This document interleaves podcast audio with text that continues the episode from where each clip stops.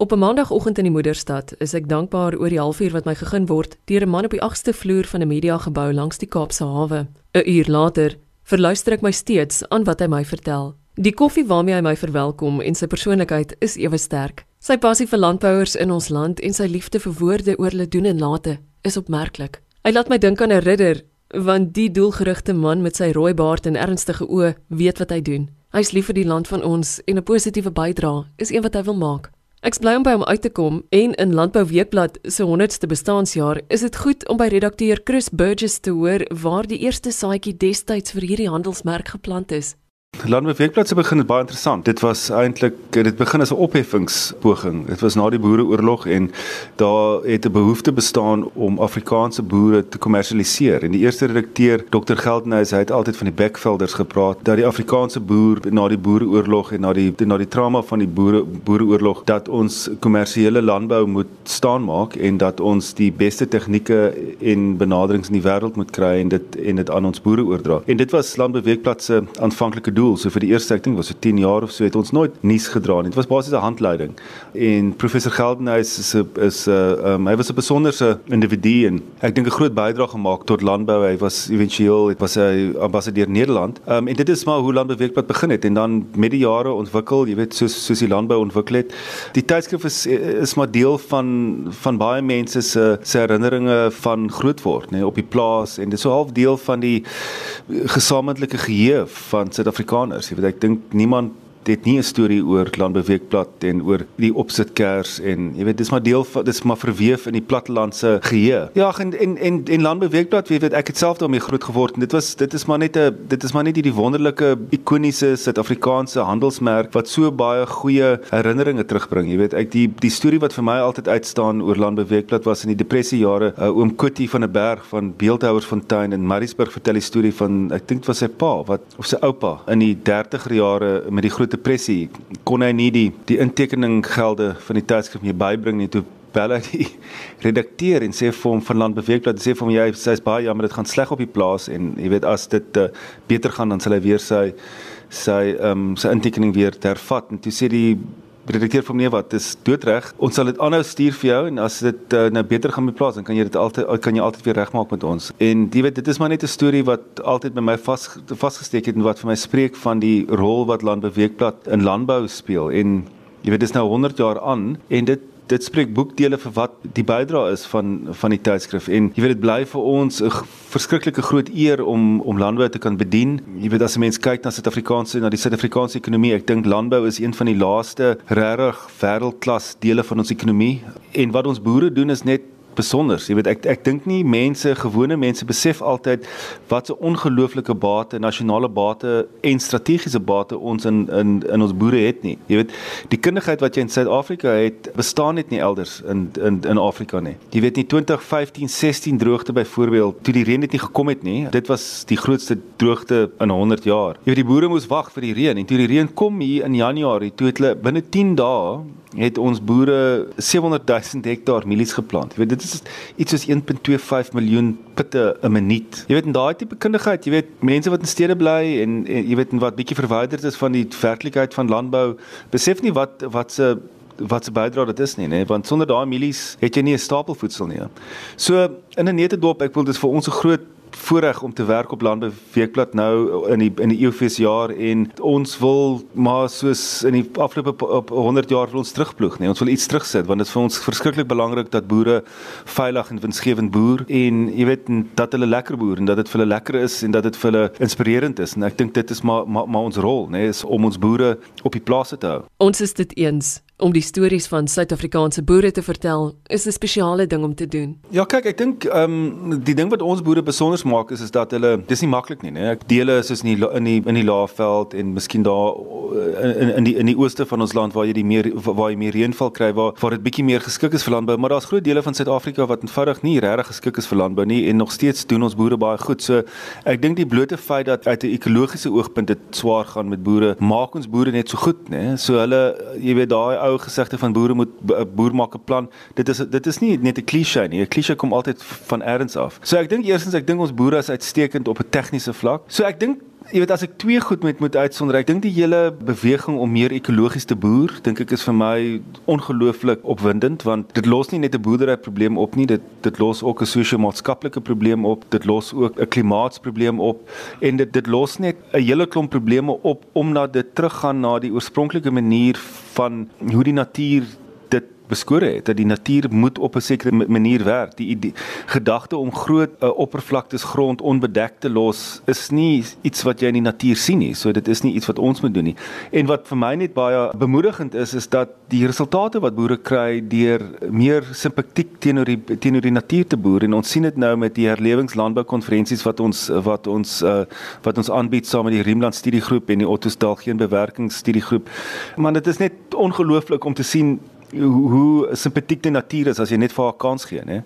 So dis die een ding op 'n produksievlak wat wat vir my baie bemoedigend is. En dan net, jy weet, um, ek dink ons is almal moeg vir vir grondhervorming en vir die gesprekke om grondhervorming want dit loop net nooit uit op iets nie en om gewone om die oplossings te sien wat wat gewone Suid-Afrikaners mee opgekom het nê om om uh, om nie grond te vorm nie maar maar om hulle medemens op te hef. Jy weet dis mense wat wat amper eksklusief diep godsdienstig is en en 'n en 'n diep medemenslikheid het. Ja, en dit dit jy weet toe ons die Bella Bella grondberaad gehou het saam met AgriSA laas jaar, ek wil dit ons 65 van ons beste voorbeelde van grondhervorming en opheffing voorbeelde daar bymekaar gehad, 65 van hulle oor 2 dae. En dit was net besonder om om die kwaliteit mense te sien wat ons in hierdie land het, nê, nee, en die oplossings waarmee ons vorendag gekom het. En dit is meestal sonder die staat se betrokkeheid. Die kommersiële landbou het 'n sukses gemaak van van grondhervorming. Jy weet met hulle eie geld, hulle eie tyd en eie moeite. So wat vir my besonder is is net die boere om met die boere te werk, nê. Dis hoogs intelligente, hoogs kreatiewe en vindingryke mense en dit is 'n besonderse eer om hulle om om met hulle te werk. Ek kan nie ek kan nie aan 'n aan 'n beter werk dink in Suid-Afrika nie. Alhoewel die droogte nie iets van die verlede is nie, is daar volgens Chris goeie waternuus. Ek wil hoor wat dit is. Dit is die feit dat ons wel goeie reëns in baie areas gekry het en die droogte se rug is nie gebreek nie. Jy is heeltemal reg boere tot 'n nuwe insig gekom dat ons dinge anders gaan moet doen en en dat ons anders gaan moet boer en dat ons met met meer met met minder moet doen en terwyl dit aanvanklik soos 'n soos 'n bedreiging oorkom jy weet die boere wat wat reeds met daai paadjie af is ek wil dit Die interessante ding is boere sê dit maak hulle boerdery net soveel lekkerder, nê, om saam met die natuur te te boer in plaas daarvan om heeltyd die die natuur te beklei. Ons hoop ons kry nog 'n bietjie reën vir die somer. Jy weet, ons hoop die die ry bly weg dat die dat die mielieoes daarom ordentlik inkom. Ons hoop dat die ouens in die weste gaan bietjie laat reën kry, miskien dat hulle bietjie koring kan inkry. Um, ons hoop die die Weskaap kry goeie reën hierdie jaar. Ek dink dit gaan 'n goeie dit gaan 'n goeie goeie jaar wees. Jy weet, boere boere is by nature op uh, optimiste. Jy weet, as baie om na uit te sien. Almal sien uit om weer Nampo toe te gaan om al al hulle ou vriende weer te sien en en bietjie tyd daar te spandeer. Ek dink daar is 'n baie groot waardering vir landbou en ek dink daar's 'n baie groot waardering vir ons boere. Die media man het raad of jy nou binne of buite die bedryf staan. Ja, kyk, ek dink ek dink die media is baie aandadig aan aan aan baie van die negativiteit, né? Nee? Ehm um, so so wat ons probeer doen dit by Landbeweegblad is om jy weet so met die hele gronddebat om om syfers op die tafel te sit byvoorbeeld. Jy weet ons het 'n hele grondaudit gedoen sedert 95 om te kyk watter grond het het verhandel, wie dit gekoop en jy weet ons het daai syfers bekend gemaak. Die ironie is byvoorbeeld ons is baie meer suksesvol met grondhervorming as wat as as wat enige iemand wil toegee.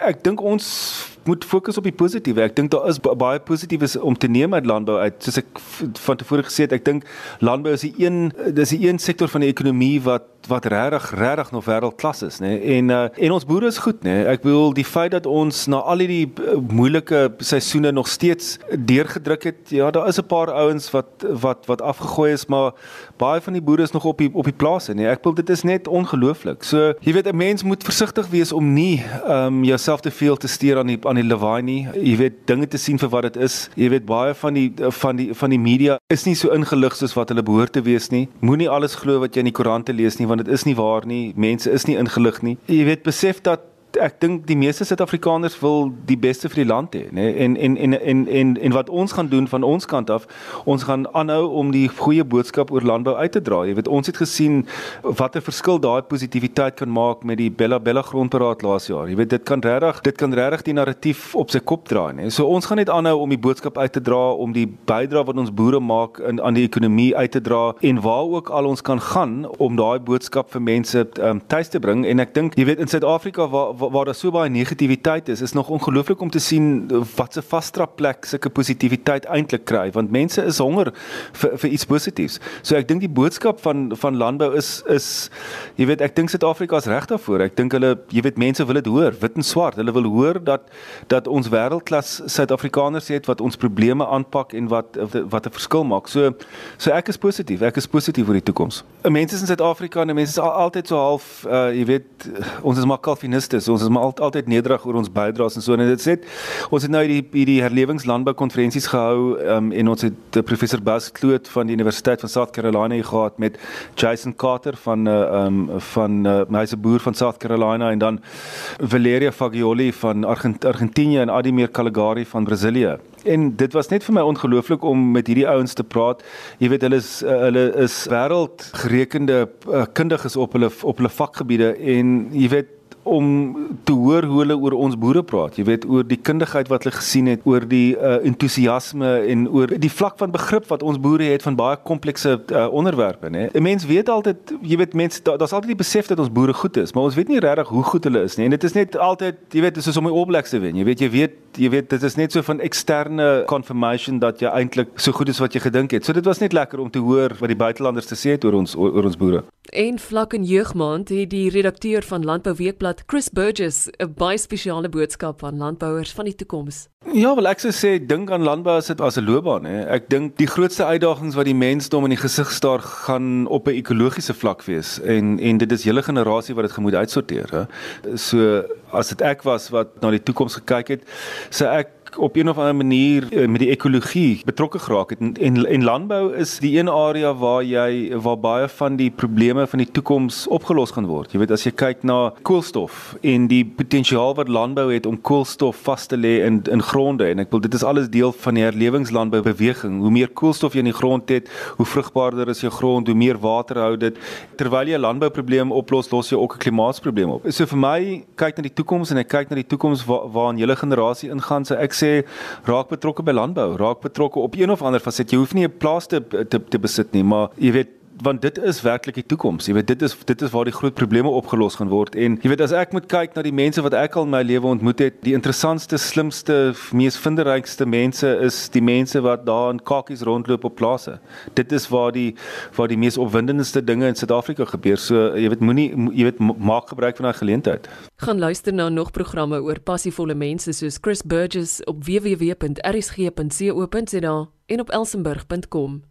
Ek's Eloise Pretorius en ek dank jou dat jy vanoggend saamgekuier het.